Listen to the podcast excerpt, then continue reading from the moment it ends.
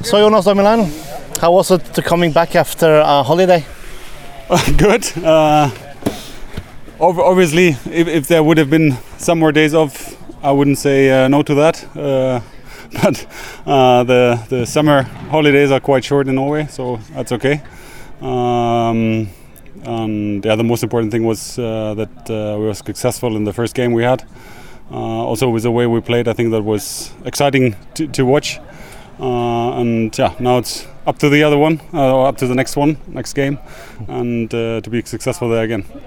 Um, I just have to ask because uh, our commentators they, they took out a stopwatch every time you, you, you, you were supposed to take a goal kick. How, how many seconds are you supposed to take on a goal kick?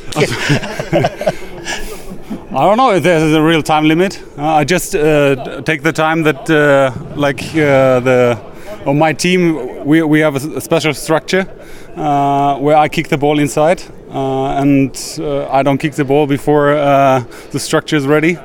Uh, so it's not always up to me. huh?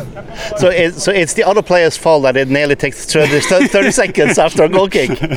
Uh, maybe it's both, huh? That, it's, uh, to be honest, like, um, I think uh, the way we do it, there has to be a structure in it. Uh, and if I don't see a picture, I don't kick it. It's simple as that. Okay, okay. So next match now is Sogndal. Um, it's uh, it's a match you have been waiting to play because of the because of the championship uh, earlier this uh, season. Uh, what are your thoughts before going to Fosshaugane? Uh, first of all, I think it's it's going to get quite hot there, uh, so that is a challenge.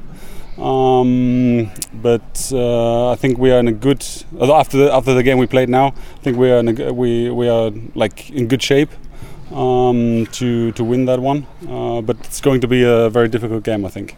Uh, at least from uh, from what I've heard so far. From there, uh, it's it's not going to be easy, but uh, I think we're in a good shape and we're well prepared to get there with three points. Fotball Extra